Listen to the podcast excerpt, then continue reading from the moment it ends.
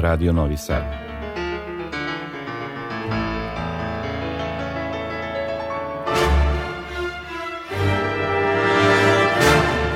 Domaća muzička scena.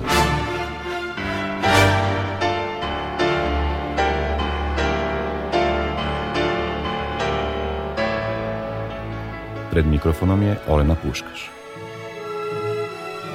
Dobroveče, želim vam ove decembarske srede i pozivam vas da s nama uz aktuelnosti iz sfere umetničke muzike i naravno pregršt prigodnih ilustracija provedete vreme do ponoći.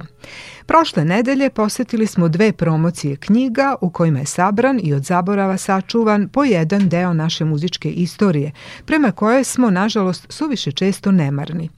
Kako smo na jednoj od promocija čuli, Skloni smo da tuđe domete a priori veličamo, dok svoje ne cenimo, zaboravljamo i nedovoljno podržavamo. Knjige koje ćemo vam večeras predstaviti daju veliki doprinos nastojanjima da se ta nepravda ispravi i da se široj javnosti prezentuje ono najvrednije u domenu domaćeg muzičkog stvaralaštva.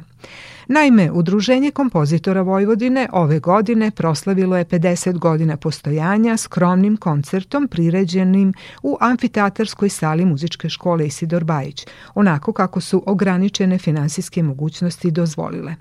No, jubilej je dodatno uveličala jedna nova knjiga, odnosno monografija, u kojoj možemo pronaći puno detalja i podataka o onome što je u prethodnim godinama urađeno na tom planu. U prvom bloku emisije govorimo šire o tome, a za uvod u temu pronašla sam jedan snimak iz fonoteke našeg radija načinjen pre tačno 10 godina na koncertu upriličenom povodom 40-godišnjice Udruženja kompozitora Vojvodine. Prva tačka tada je bila uvertira za balet izbiračica Zorana Mulića.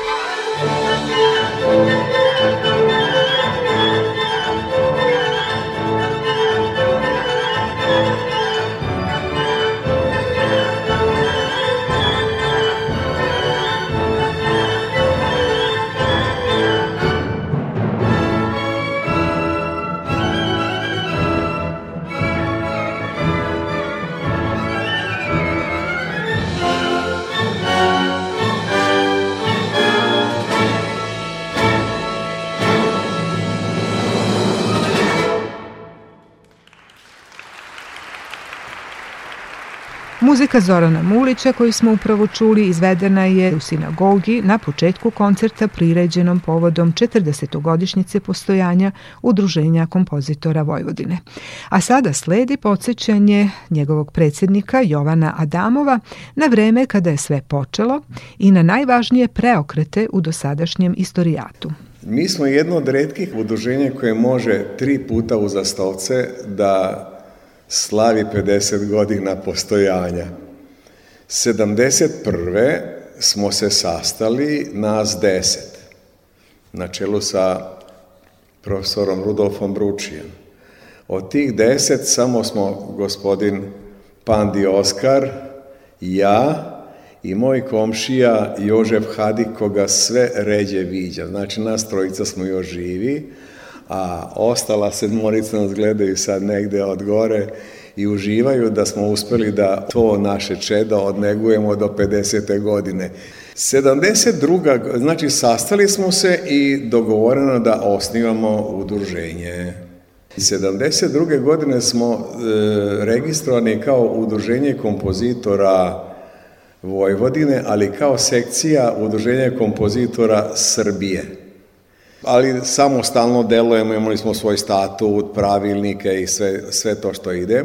Prošle godine smo pokušali da slavimo, ali nije bilo do pono post-covidovsko vreme i svašta nešto. Samo smo započeli poslove oko monografije. Ove godine slavimo zapravo, mada ja mislim da ćemo zapravo pravu 50. godišnjicu slavimo iduće godine, jer 73. smo registrovali, znači odvojili smo se od Udruženja kompozitora Srbije i postali smo samostalno Udruženje kompozitora Vojvodine. To je ta čarolija što se osnivanja tiče. Žao mi što više njih nije živo ovde. Hoću da kažem da smo od samog početka bili posebni, jer po našem saznanju u svim ostalim udruženjima tipa Hrvatska, Slovenija tako dalje, oni su, uglavnom je to bilo, su elitna udruženja, gde su bili e, članovi udruženja uglavnom e, autori e, ozbiljne muzike, kako se kaže, odnosno umetničke muzike i tu i tamo nešto malo zabavnjaka narodnjake niko nije. Mi smo od samog početka išli na sve muzičke žanrove, nama je kriterijum bio nivo autora, e, kako on to radi i to je, to je ostalo do današnjeg dana. Znači, mi smo sve muzičke žanrove obuhvatili od samog početka što se muzike tiče, zatim muzikologe i muzičke pise. I tako je bilo do današnjeg dana. Bilo je tu turbulentnog vremena, e, negde tih 90-ih, kad smo, nismo, ne, nismo ni znali gde nam je prostorija, šta je, kako je, zahvaljujući našim profesorima, gospodinu i Zoranu Muliću i Štatkiću, koji su se smenjivali u to vreme kao predsednici, oni su u svojim, e, na akademiji i negde u ateljejima držali sve te neke dokumente, i nekako smo te ružne 90. prebrodili. Ja sam tu negde početkom 2000-ih, mislim 2004. preuzeo tu ulogu, nisam preuzeo, nego su me izglasali da budem predsednik udruženja i ušao sam prvo nekako krenulo neko normalnije vreme i neka odgovornost da bez neke pa, nekih papira koje nalaže zakoni Ne možete da vodite udruženje, ne možete da imate neke knjige, ne, bez nekih nekih pravilnika, bez svega svačega, to mislim, isto neću da govorim, ali znači mnogo, mnogo papira, ono što nama nije svojstveno. Nama jeste svojstveno da imamo notni papir pred nama, ali to sa tim silnim stavkama zakonskim i tako to nešto, nekako smo se izborili i stigla je ta čarobna 2011. godina. Izglasan je u, u Srbiji zakon o kulturi. Po tom novom zakonu o kulturi e, ima stavka gde postoje uslovi kako da se dobije status reprezentativnog udruženja u kulturi. To je Aleksandra naša draga na za početku. Jer naravno da smo ponosni na taj status, jer postoje mnoga udruženja građana, a da taj status nemaju. On je podložan promeni. Proverava se nakon 4, 5, 6 godina da li smo ostvarivali te ciljeve koje zakon o kulturi od nas očekuje. 2019. su nam obnovili taj status, sad smo opet mirni par godina, ali sasvim sam siguran da će to do trajanje, do god taj status bude postojao, pošto mi radimo, imamo izuzetne umetnike, ima tu i akademika, veći deo je profesora na akademiji, ima kompozitora sa zavidnim opusom stvaralaštva, tako da uglavnom iduće godine se nadam da ćemo moći da napravimo jedan svečani koncert, ali sa, sa većim brojem muzičara na sceni, da, da još jedan put ponovimo ovu uspešnu ovaj 50-godišnjicu, jer mislim da je ova knjiga koja ispred nas stoji, da je kruna toga, tu je sve napisano i dokumentovano.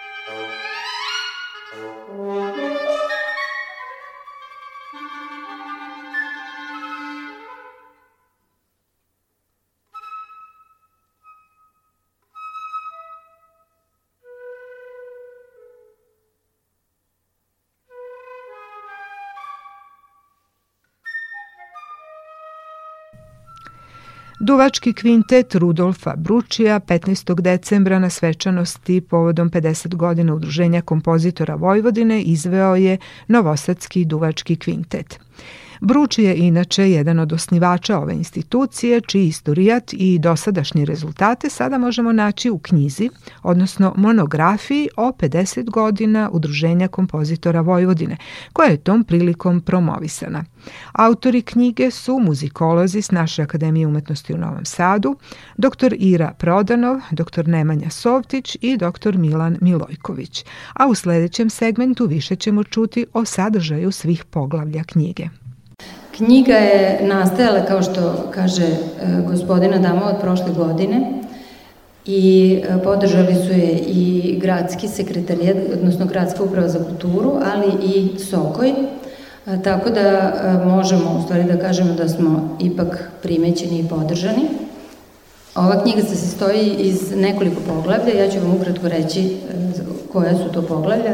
Dakle, taj prvi neki deo je vezan za istorijat Udruženja kompozitora Vojvodine, moram da kažem da baš zbog tog nepostojanja stalnog sedišta i stalnog seljenja sedišta iz jedne zgrade u drugu, iz jednog nekog centra u drugi, dosta se dokumentacije osulo, tako da smo mi zapravo bili oslonjeni prevashodno na zapisnike sa svih sastanaka koji su održani od 1971. godine do danas.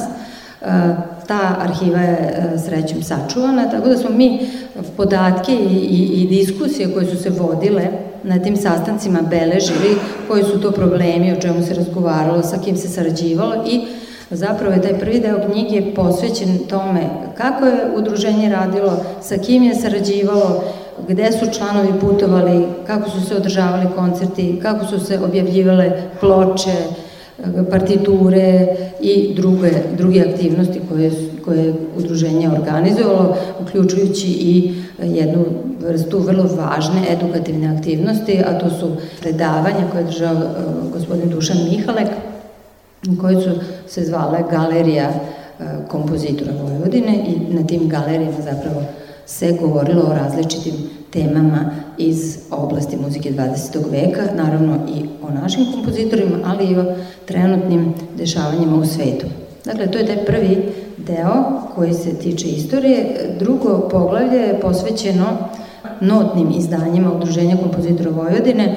Ja moram da kažem da premda je izdavanje muzikalija u nas, u Srbiji i nekada u Jugoslaviji bilo dosta marginalizovano, Udruženje kompozitora Vojvodine ima jednu lepu, lepu i bogatu izdavačku delatnost, tako da je tu reč o 93 partiture različitih žanrova, od simfonijskih e, dela do različitih e, kamernih dela, klaverskih dela i tako dalje. Dakle, to je, taj, to je to drugo poglavlje. Treće poglavlje je posvećeno zvučnim izdanjima, nosačima zvuka i e, tu isto možemo da se pohvalimo da je Udruženje kompozitora Vojvodine dosta uložilo svojih sredstava i sredstava koje je dobijalo po nekom redovnom godišnjem um, tempu koje je dobijalo od raznih sizova za kulturu i tako dalje u ono staro vreme, da tako kažem.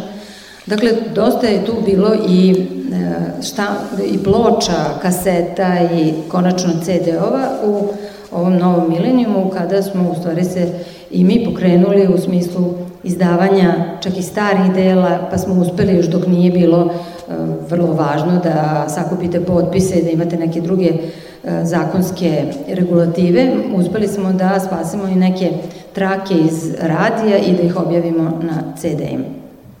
To je dakle to treće poglavlje.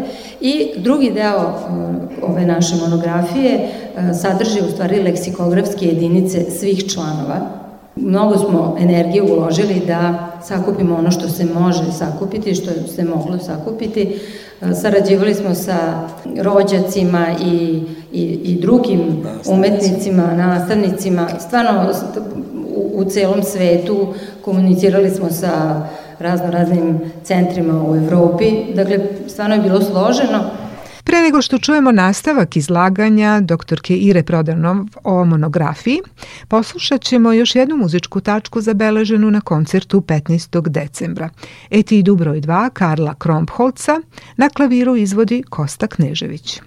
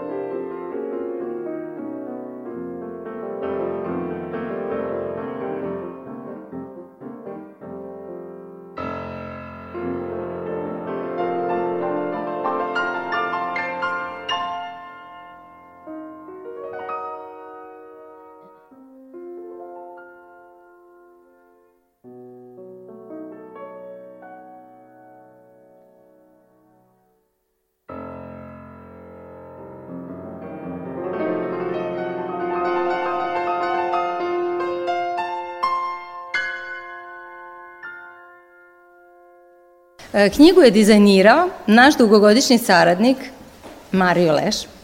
E, takođe bih se zahvalila Goranu Despodovskom koji je uradio prelom. Ove knjige isto imao mnogo strpljenja sa nama, a mi smo mu dosta kasno poslali ceo materijal, tako da smo imali sreće što je što smo uspeli da jedan fini tim oformimo koji je e, divno uradio e, zadatak i takođe bih naglasila da je e, postoji spisak svih dela koje u knjizi, dakle to je taj neki četvrti deo preleksikografskog dela, u kojem sam, smo pisale o svim koncertima koji su izvedeni na osnovu svedočenja Tamare koje sam ja beležila i postoji tabela sa svim datumima, delima i izvođačima koji su nastupali na svim koncertima koje je Tamara pominjala. Tako da mislim da smo napravili jedno lepo izdanje na koje stvarno možemo da budemo ponosni i ja se zahvaljujem gospodinu Adamovu što je rekao da je to e, kruna. Zapravo to izdanje ne bi nikako moglo da nastane da nisu sva ta dela napisana, da nisu svi ti koncerti izvedeni, da nisu svi ti stariji kompozitori i mlađi e, istrajali da rade posao za koji moramo da kažemo da nema uvek toliko podrške u društvu, nema uvek tako raspoloženih e, sekretarijata ili ne dovoljno raspoloženih da, da na adekvatan način podpomognu rad umetnika, pre svega u umetničkoj muzici, ali jednako tako mislim i na neke druge muzičke žanrove, jer kao što je gospodin Adamov rekao, nama su vrlo važni i dragoceni svi muzički žanrovi, jer nikako da neki e, od naših kolega razumeju da samo ako budemo zajedno radili za sebe i za sve nas, to je onda način da opstanemo, I mislim da, da stalno to treba da imamo na umu, da smo potrebni jedni drugima, ne samo izvođačima, umetnici koji su instrumentalisti, dakle koji izvode određene kompozicije, nego smo potrebni i kao muzikolozi da ostanu knjige iza nas ili zapisi, beleške, muzičke kritike i tako dalje. Potrebni su muzički pisci, potrebni su medijski radnici koji će da prenesu vest Dakle, svi smo jedni drugima potrebni i svaki put kad radimo nešto za sebe, stalno i moramo da imamo na umu da to isto vremeno radimo za drugi. Sada sledi još jedan snimak iz muzičkog dela programa Burleska Ernea Kiralja u izvođenju Novosadskog duvačkog kvinteta. Da pomenem, članovi ovog sastava su Ksenija Mijatović Korom Flauta, Veronika Antunović Marić Oboa, Kristijan Boroš Klarinet, Goran Marinković Fagot i Mirko Marić Horna. Thank you.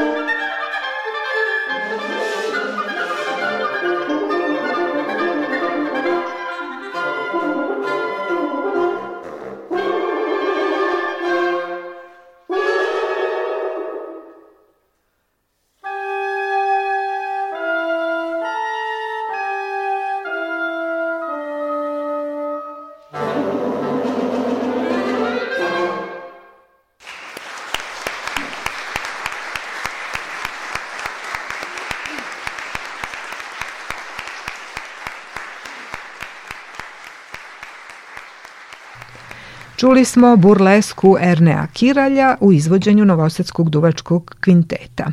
Na redu je sada priča profesorke violine i dirigentkinje Tamare Adamov-Petijević, koja je kreirala i dirigentski vodila sve godišnje koncerte Udruženja kompozitora Vojvodine od 2013. do danas. Zapravo sa Udruženja kompozitora Vojvodine sam stupila u kontakt još kao učenica, jer sam svirala često kompozicije. Sa, sećam se davno kao đak u osnovnoj muzičkoj školi smo svirali Balkansku svitu, sjajno delo za dečiji orkestar Gudački Tibora Hartiga. Potom sam bila na premijeri kantate Vojvodina e, Rudolfa Bručija, sećam se jako dobro, bila sam mala, ali mi je to bilo impresivno. A, zatim sa kameratom, akademikom i profesorom Ištvanom Vargom, veoma često smo svirali dela i kompozitora koji su ovde prisutni, i profesora Šuklara, i mojih profesora Ivana Kovača, koga sad ređe izvodimo, jer su njegove partiture nedostupne. Mislim, uzbudljiv jedan uh, dugogodišnji kontakt sa, sa udruženjem kompozitora i kada su me pozvali 2012. godine da uh, kreiram i izvedem koncert povodom 40 godina udruženja koji je izveden iz organizacijalnih razloga par meseci kasnije, februara 2013. godine. Prihvatila sam se toga, bio je zaista veliki izazov naći partiture, izabrati od onoga što postoji, izabrati šta može da se izvede, oformiti ansambl i koncipirati čitav koncert u saradnji sa udruženjima i sa, sa članovima, sa tri generacije kompozitora, dakle osnivača, zatim starije generacije, današnji kompozitor i mlađe generacije. Tako da taj prvi koncert izveden februara 2013. godine. Koncept je bio taj da uglavnom bio simfonijski orkestar ili kamerni orkestar, nekad gudački, dakle uvijek su to bili veći ansambli, hor, često i oratorijonska dela, dakle zajedno vokalno instrumentalna dela su izvedena, Izvođene su to bili gala veliki koncerti, ali recimo za vreme korone su to bili manji sastavi, kamerni sastavi, kao što ste čuli Novosadski duvački kvintet, koji ćete baš nekoliko puta još čuti na ovim e, snimcima koje sam priredila. Dakle, e, pripremila sam jednu retrospektivu svih tih koncerata e, od 2013. godine do prošle e, 2021. godine, A ansambl su uvijek činili, skoro uvek zapravo, uh, uh, kombinacija profesionalnih muzičara i mladih čak i srednjoškolaca ili studenta, jer mislim da to jako bilo i sveže i zanimljivo i korisno za mlađe da uh, savladaju jednu novu, novu muziku, dosta dela tu izvedeno premijerno, različiti su načini komponovanja, dakle bilo je bio jedan vrlo kreativan i zanimljiv izvođački i dirigentski izvođački proces raditi sa mladim ljudima i sa kombinacijom mladih e, srednjoškolaca, studenta i profesionalaca. Dakle, ono što ćete i videti na ovim snimcima e, je zapravo to. 2013. i 14. godine, 2015. godine taj snimak nažalost nemamo, nešto se to zagubilo tokom godina, sve koncerte, svi koncerti su snimljeni, dakle udruženje kompozitora se uvijek trudilo da bezbedi snimanje kvalitetno. 16. i 17. nije bilo sredstava, tako da dve godine nisu udržani gala koncerti godišnji i potom 2018.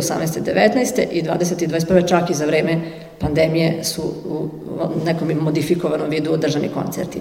Kao što ste malo čas čuli od Tamare Adamov-Petijević, publika na promociji je imala priliku da vidi kolaž inserata sa dosadašnjih koncerata, a nakon toga je objavljeno i ime dobitnice ovogodišnje nagrade koje se dodeljuje za poseban doprinos radu udruženja. Povelju za dugogodišnji izuzetan doprinos afirmaciji domaćeg muzičkog stvaralašta Udruženje kompozitora Vojvodine dodeljuje autorki muzičkih emisija Radio Televizije Vojvodine Jovanki Bebi Stepanović.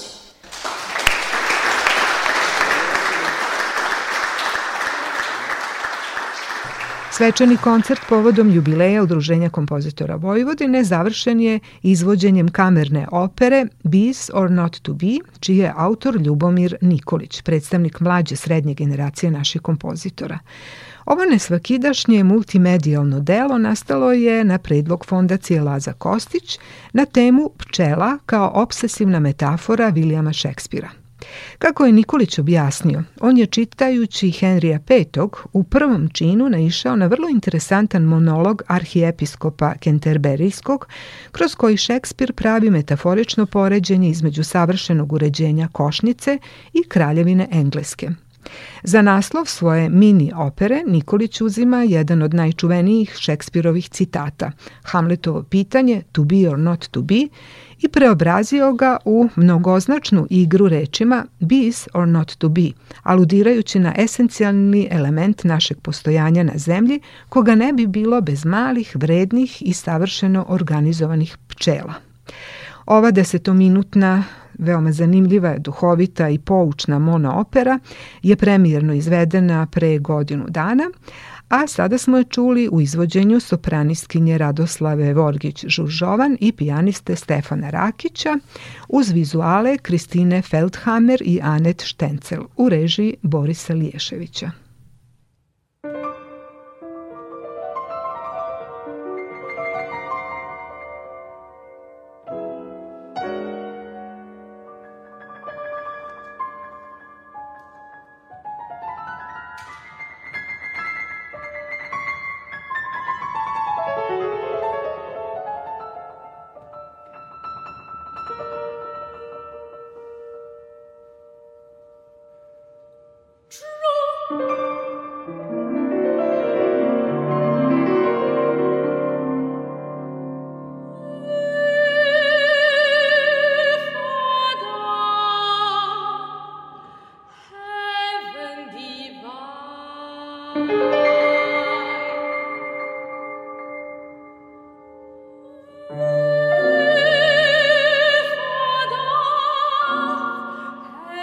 Before.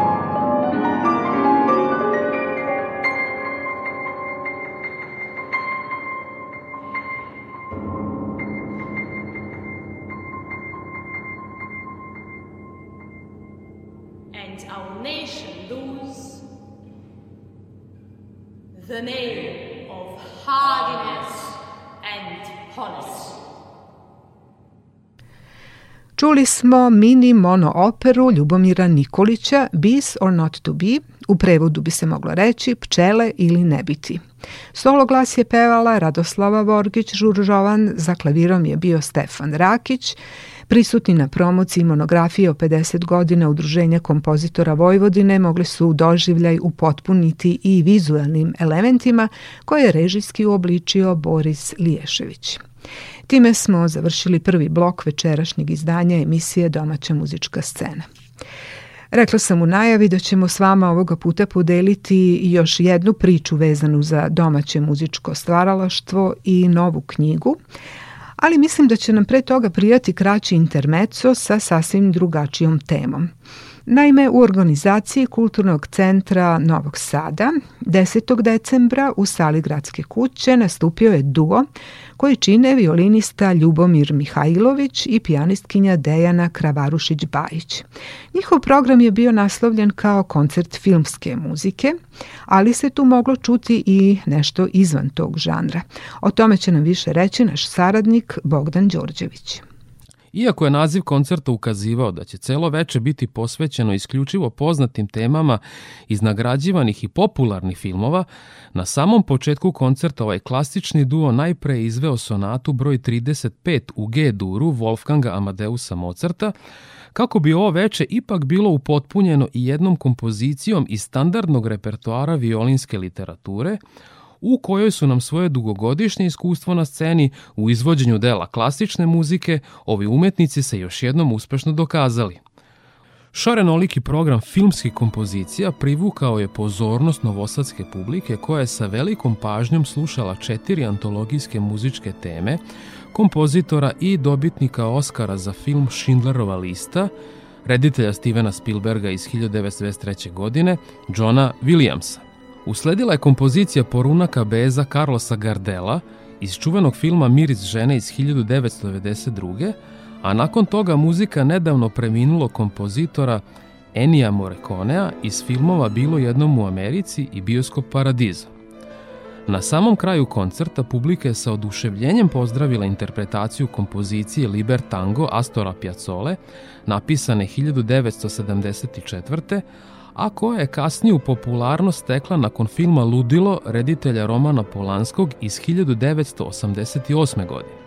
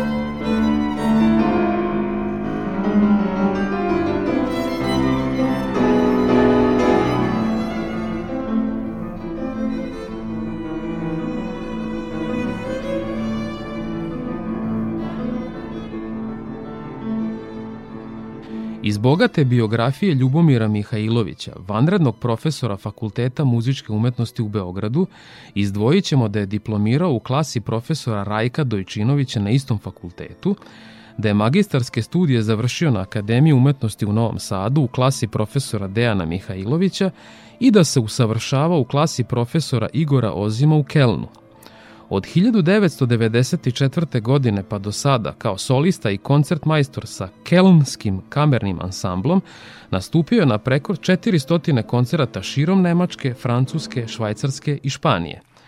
Svirao je još i u Grčkoj, Austriji, Peru, državama bivšeg Sovjetskog saveza, Portugaliji i Izraelu. Kao solista s kamernim orkestrom Majstori Gudači, pod vođstvom profesora Dejana Mihajlovića snimio je kompakt disk četiri godišnja doba Antonija Vivaldija. Dobitnik je i većeg broja nagrada na takmičenjima u zemlji i inostranstvu.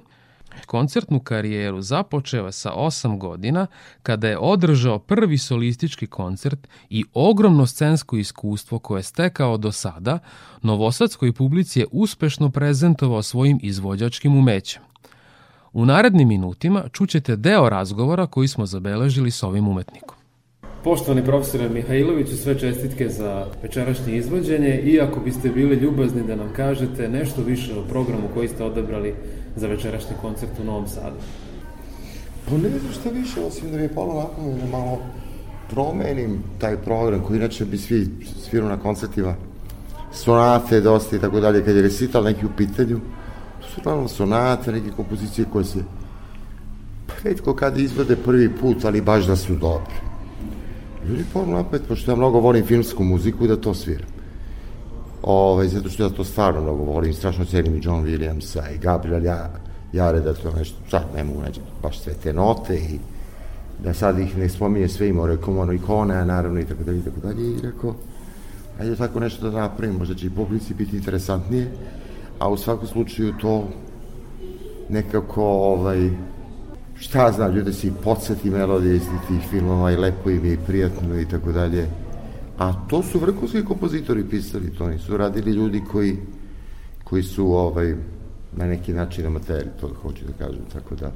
A to, to je ideja, mislim, vrlo jednostavno, znači, mislim, ono, Kažete nam, vi ste angažovani na Fakultetu muzičke da, da, umetnosti u Beogradu. Kakvi su studenti danas u odnosu na vreme kada ste vi bili student?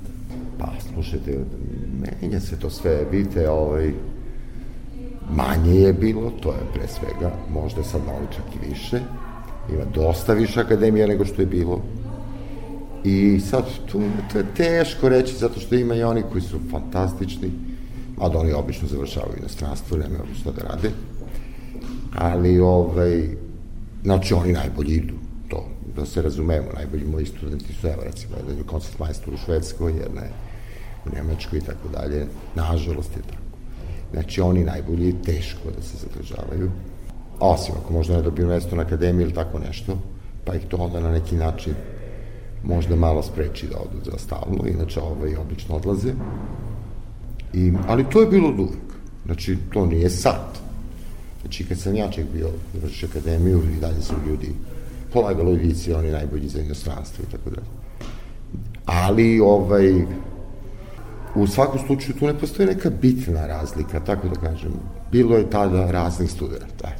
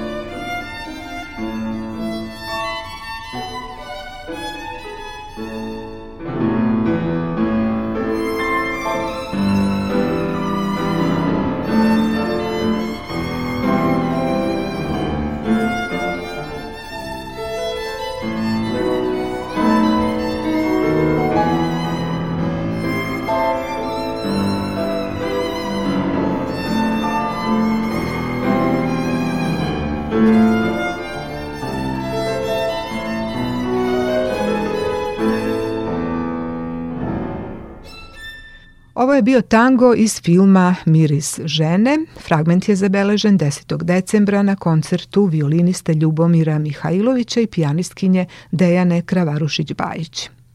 Ovo su talasi Radio Novog Sada. U toku je emisija Domaća muzička scena. Upravo prelazimo na novi segment u kom ćemo vas upoznati s nekim možda manje poznatim činjenicama vezanim za stvaralaštvo i ličnost akademika, profesora, kompozitora Dušana Radića.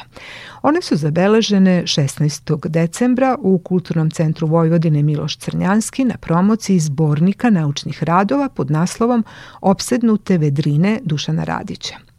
U knjizi koju je urednički oblikovao publicista Borislav Hložan, možete pročitati tekstove 13 autora koji su istraživali neku Radićevu kompoziciju ili segment stvaralaštva, ali na promociji smo čuli i autentična sećanja ljudi koji su ga poznavali, a koje nam mnogo govore o specifičnoj i samosvojnoj ličnosti koja je iznad svega cenila svoju slobodu i vrednostni sistem. Promociju je moderirala kulturološkinja Aleksandra Đurić-Bosnić, a Borislav Hložan je istakao da je pojava ove knjige imala predistoriju koja je počela vrlo spontano, a onda su se stvari nadovezivale i dovele do sjajnih rezultata. Priča je počela pre nekih 13 godine kada sam u razgovoru sa mojim, nažalost danas pokojnim prijateljem, kompozitorom Svetozorom Sašom Kovačevićem došao na ideju da snimim TV dokumentarac o Dušanu Radiću, pošto sam tada radio, a i danas radim kao urednik u dokumentarnom programu televizije Vojvodine. Taj dokumentarac smo zaista ubrzo snimili, on je naišao na lep odjek od gledalaca. Ali se me i dalje ostao pod utiskom da je stvaralaštvo Radića zapostavljeno i da bi trebalo da naša kulturna javnost bude bolje upućena u vrednost i značaj izuzetno bogatog muzičkog opusa ovog našeg uglednog kompozitora. Prilikom jednog razgovora sa tadašnjim direktorkom Kulturnog centra Vojvodine Miloš Trnjanski, kompozitorkom Smiljanom Lajić, koja inače završila studij u klasi profesora Dušana Radića, dotakli smo se ove teme, da bi valjalo Radića u su predstaviti današnjoj muzičkoj publici, koja zapravo gotovo nikada nije imala prilike za to. Tako se rodila ideja o prirođivanju muzikološkog simpozijom posveđenom životu i stvaralaštvu kompozitora Dušana Radića, Ubrzo su započele pripreme i ovaj simpozijum je održan 25. i 26. novembra 2021. godine u Kulturnom centru Vojvodine preko interneta, jer tada je bila u jeku pandemija COVID-19. Na ovom mestu mora se istati činjenica da su naši muzikolozi tokom protekli decenije posvećivali značajnu pažnju proučavanja stvaralaštva Dušana Radića, objavivši niz značajnih knjiga i naučnih radova posvećenih toj temi. Tako da su pozivi za učešće na simpozijima upućeni tim istraživačima, kao i mlađim muzikolozima koji su već dali određene doprinose na tom planu. S obzirom da je na činjenicu da je muzičko delovanje Dušana Radić svojim duhom i vremenski povezano sa prodorom moderne poezije mladih, mladih srpskih pesnika početkom 50-ih, kao da se i sam Radić stvaralački ogledao kao autor poezije i likovni umetnik – Spisak učesnika skupa proširen je drugim učesnicima, istoričarima, književnosti, kompozitorima i koncertnim izveđačima sa ciljem da se na taj način pruži jedna celovitija, obuhvatnija slika ukupnog stvaračkog delovanja Dušana Radića kao jedinstvenog kompozitora i vrhunskog intelektualca čije stvaralačka delatnost je uveliko prevazilazila u običajne okvire muzičke delatnosti.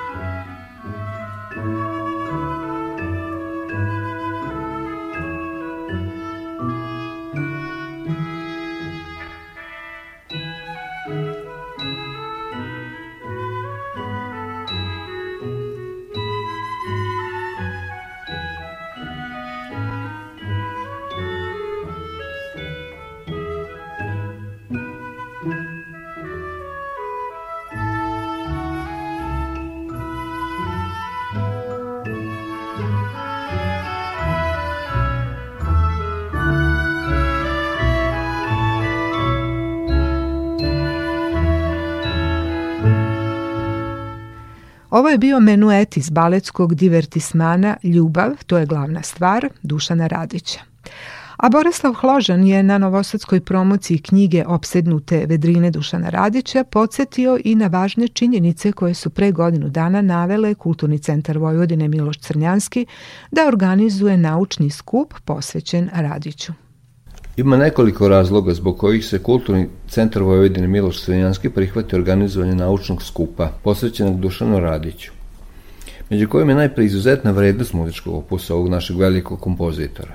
Razlog je svakako i to što je Dušan Radić rođen u Somboru i on je tu svoju zavičarnu pripadnost uvek istica koja je jedan od elemenata od presudnog uticaja za njegov umetnički razvoj.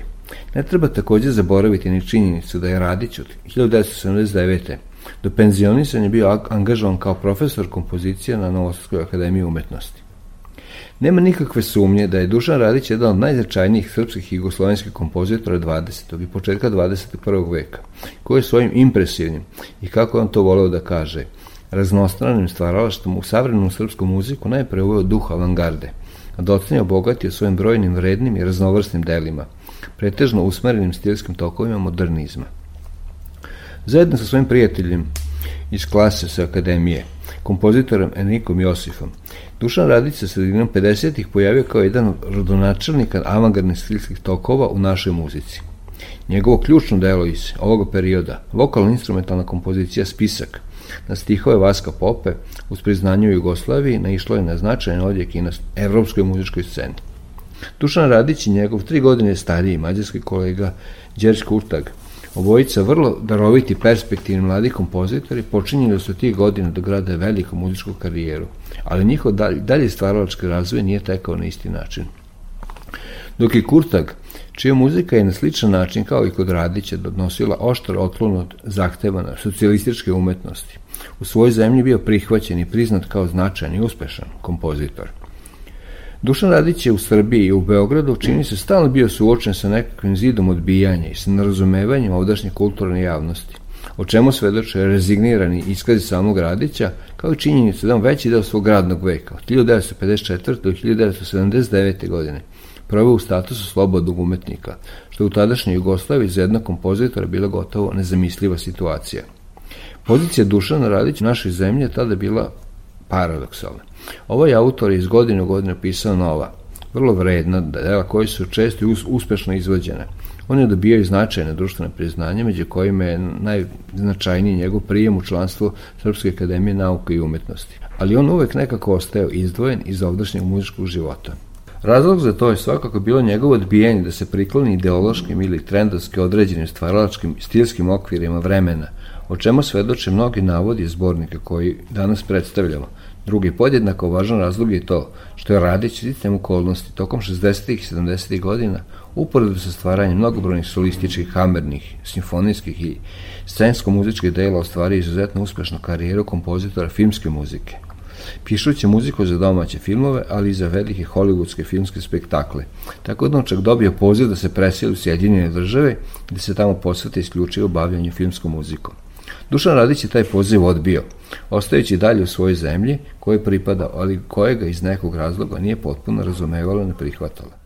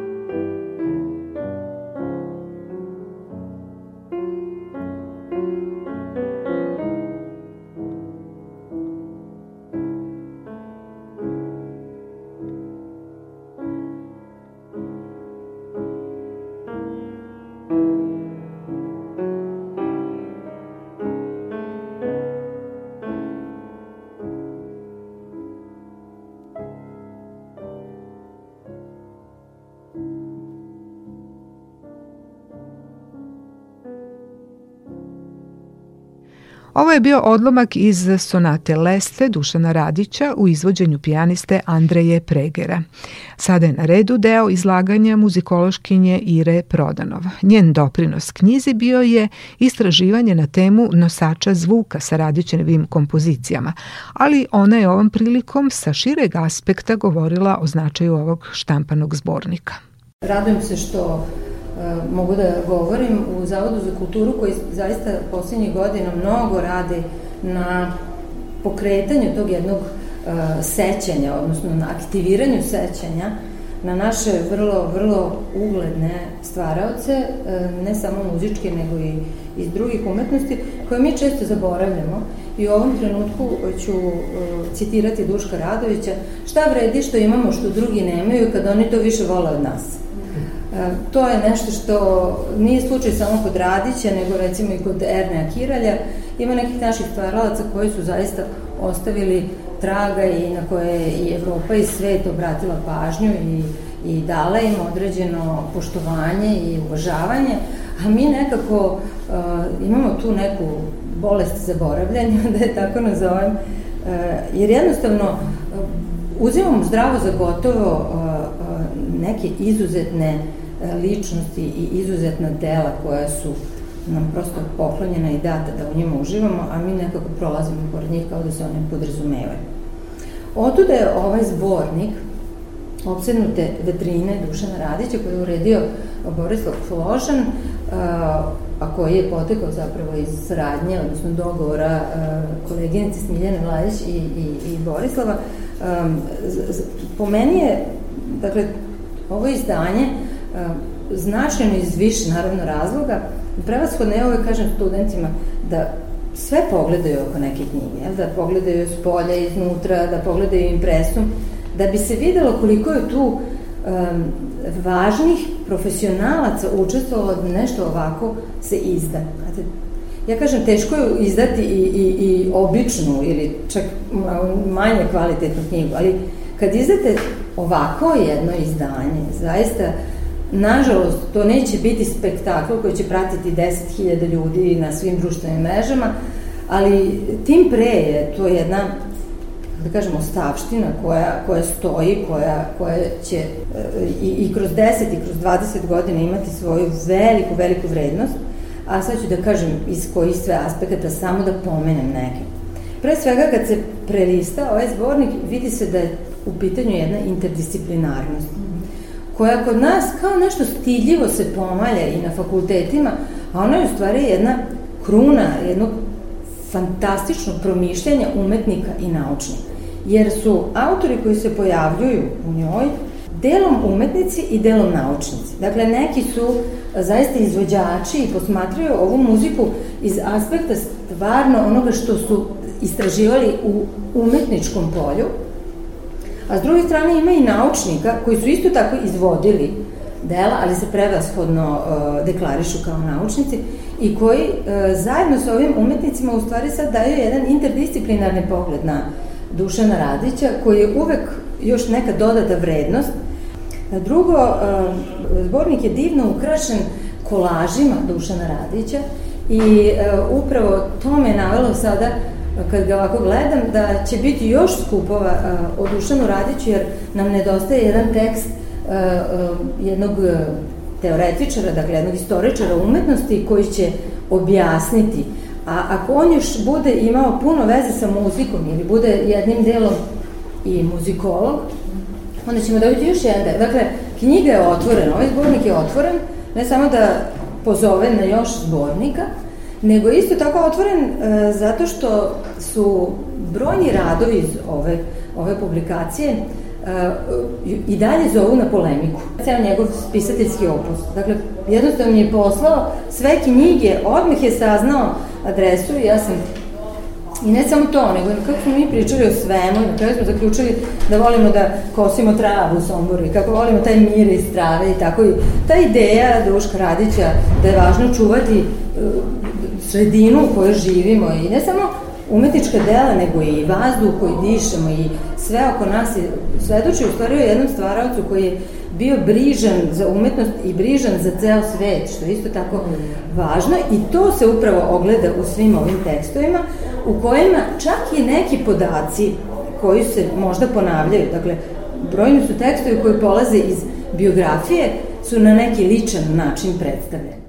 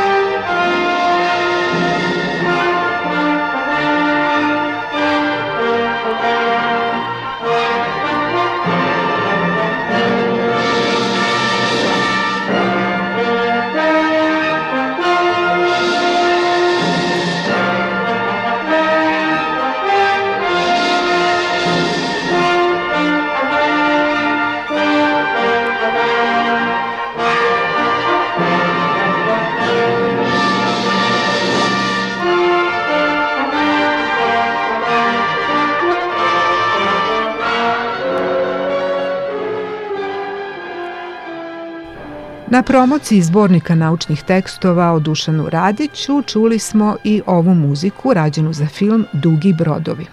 U sledećem segmentu doktorira Prodanov između ostalog govori o tome kako je Radić odbio vrlo primamljiv poziv za saradnju iz Hollywooda. Takođe bih e, htela da kažem da smo Borislav i ja e, imali tu sreću da nas e, sin Dušan Radića, Milan Radić, pozove kad smo pripremali svaku svoj deo ovoga zbornika, ili, odnosno prvo simpozijumu, i kada sam bila u tom prostoru gde je zapravo Dušan Radić živeo i kada sam videla taj divni pogled koji je on verovatno svaki dan e, kad se probudi, napred, ili dođe kući, imao, dakle to je ogromna terasa e, ispred koje se vidi ceo Beograd, reke, sve živo što možete važno zamisliti u Beogradu, počuši od hrama Svetog Save, pa sve ono što se prostire, tako reći, pod njegovim nogama.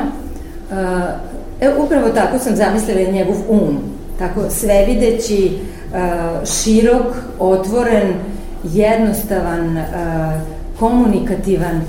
I e, u, u, u tom kontekstu bih htela da kažem da je i nepotkupljiv, zato što pogledajte šta je rekao Borislav Hložan, da je Dušanu Radiću nuđeno da ide u Hollywood, znate, to su ogromni novci, to je ogromna mogućnost da se oslobodite, da, hajde da tako kažem, čak i živite na visokoj nozi, a Dušan Radić, koji nije hteo ni ovde da bude u nekom smislu zaposlen čovek, nego je bio većinom uh, slobodni umetnik, znači nije pristao na te kompromise.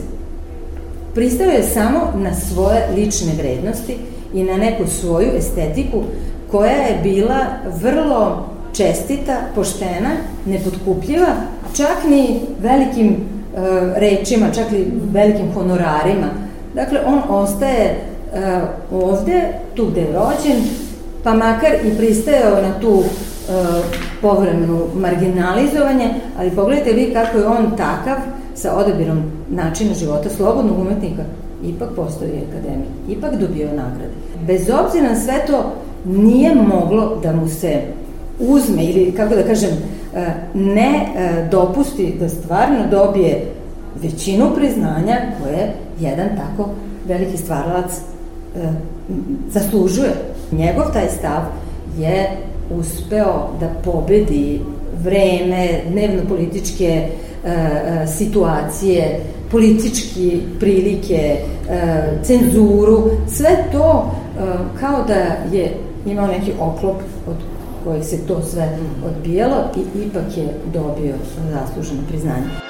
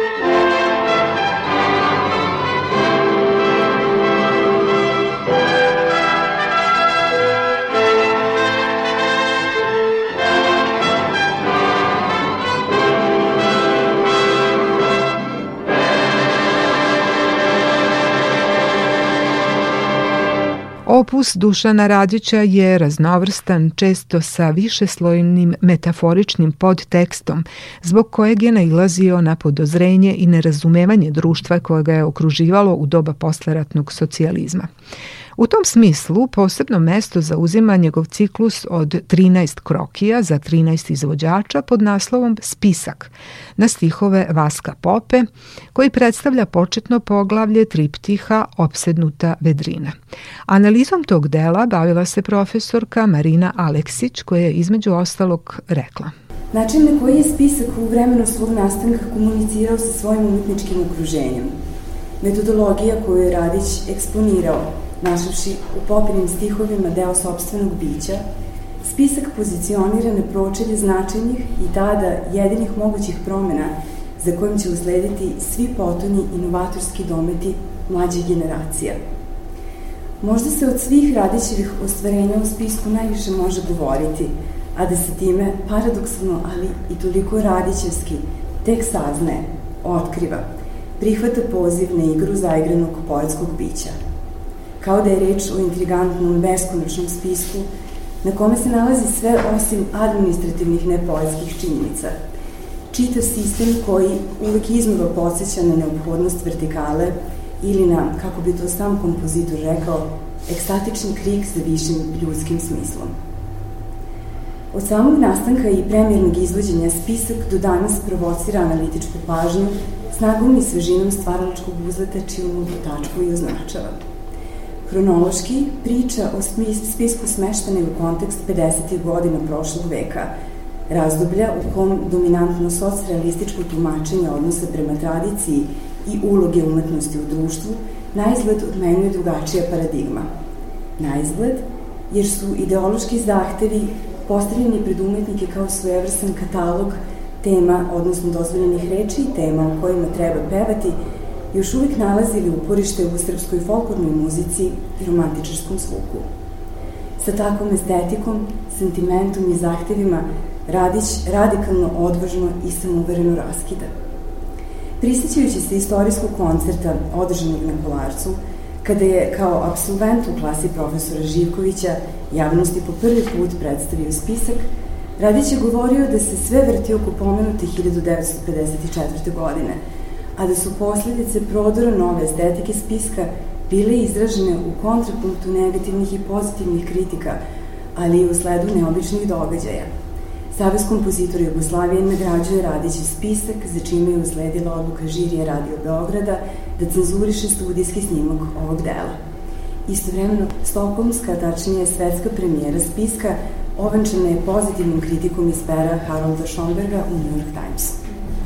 Sada ćemo čuti odlomak iz kompozicije Spisak, Krokije pod naslovom Konj i patka. Izvođači su Dragoslava Nikolić sopran, Aleksandra Ivanović meco sopran i kamerni ansambl radio televizije Beograd pod upravom Dušana Skovrana.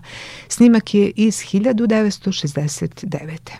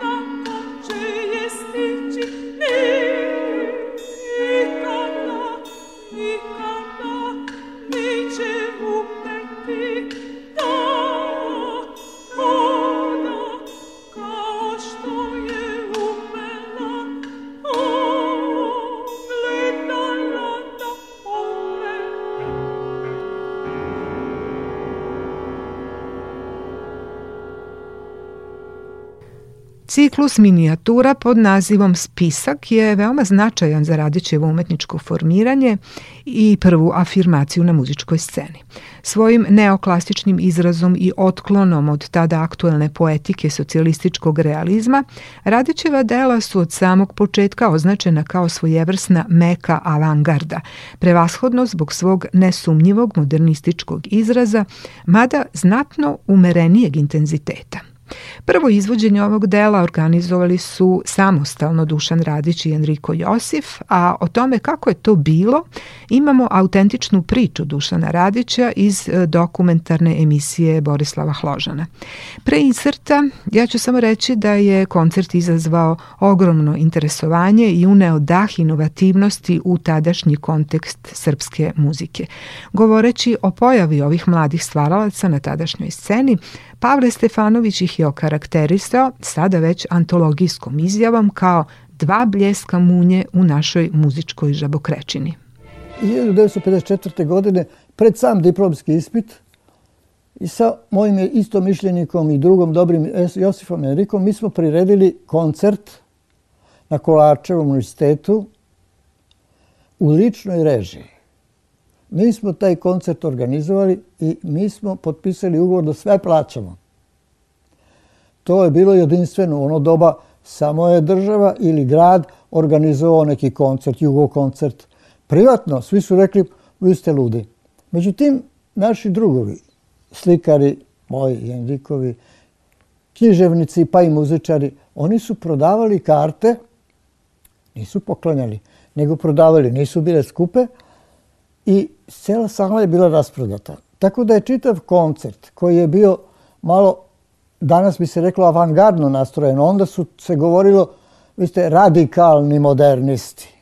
Ali to nije bio radikalni modernizam, to je bio samo modernizam koji je se nastavljao na klasike 20. veka prve polovine, Bartoka, Srevinskog, Prokofjeva, Mesijana.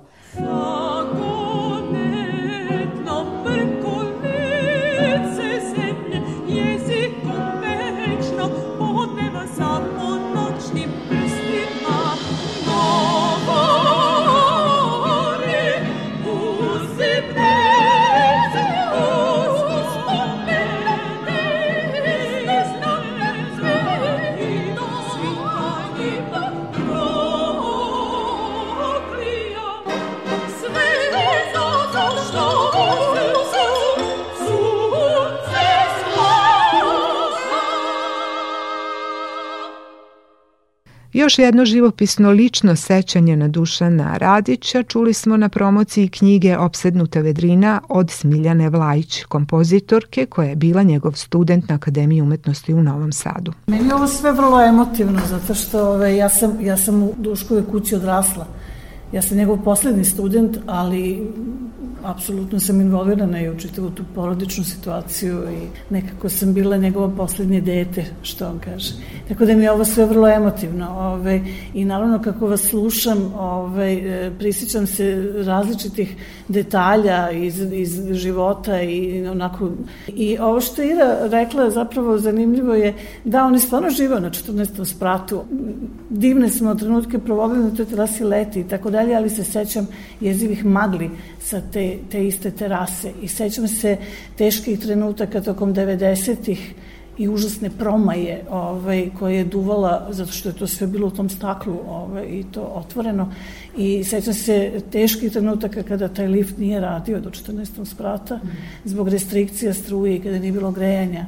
I sećam se 90. kada je profesor skoro pa preživljavao tantijema iz 20th Century Foxa koji je pisao za, za svoju muziku i nekako mislim da, da sve zajedno je jako veliki problem da, da, da ljudi koji ga nisu znali otkriju jedan mali detalj njegovog bića. Zašto to kažem? Zato što profesor je zapravo vrlo bio zatvoren prema, prema svetu.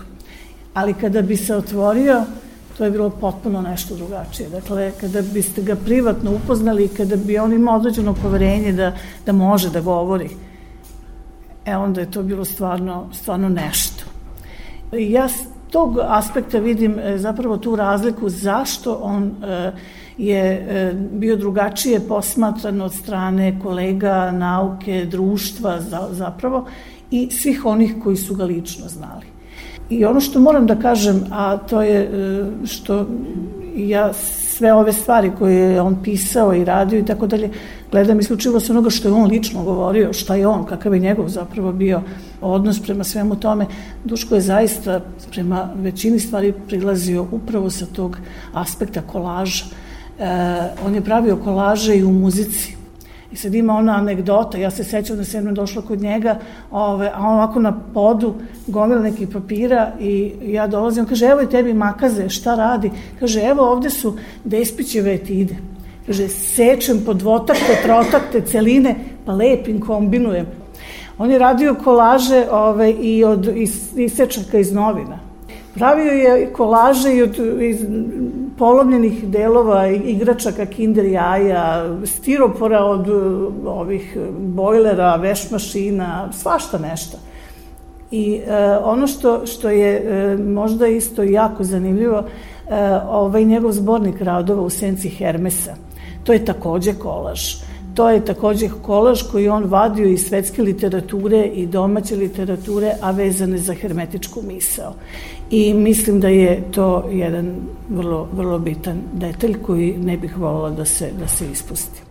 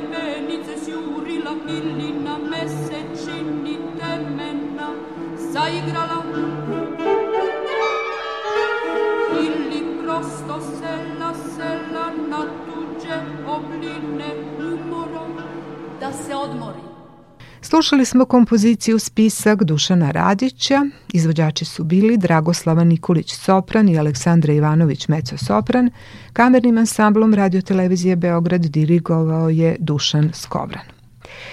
Vreme koje nam je preostalo do ponoći i do kraja emisije Domaća muzička scena iskoristit ćemo da vas uvedemo u praznično raspoloženje, Ovog vikenda nam predstoji katolički Božić, proslava Hristovog rođenja, koje je oduvek bilo velika inspiracija umetnicima svih vrsta, pa tako i muzičara. Jedno od najpopularnijih i najgrandioznijih dela u kojima se opisuju biblijski događaji jeste Oratorium Mesija Georga Friedricha Hendla.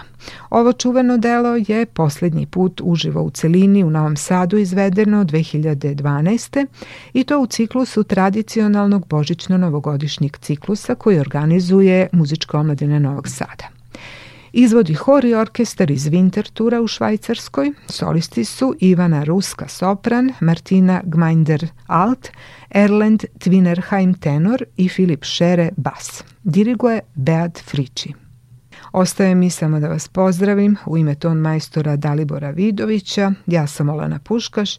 Želimo vam prijatnu noć uz program Radio Novog Sada.